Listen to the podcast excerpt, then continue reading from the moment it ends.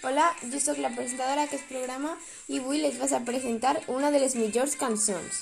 En aquesta exitosa cançó d'Aitana, 11 razones, estrenada el 7 de desembre del 2020, amb més de 5 milions de visualitzacions, ha sigut un gran èxit per a la cantant.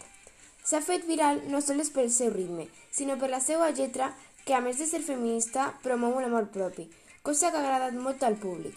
S'ha notat molt en la repercussió de la cançó.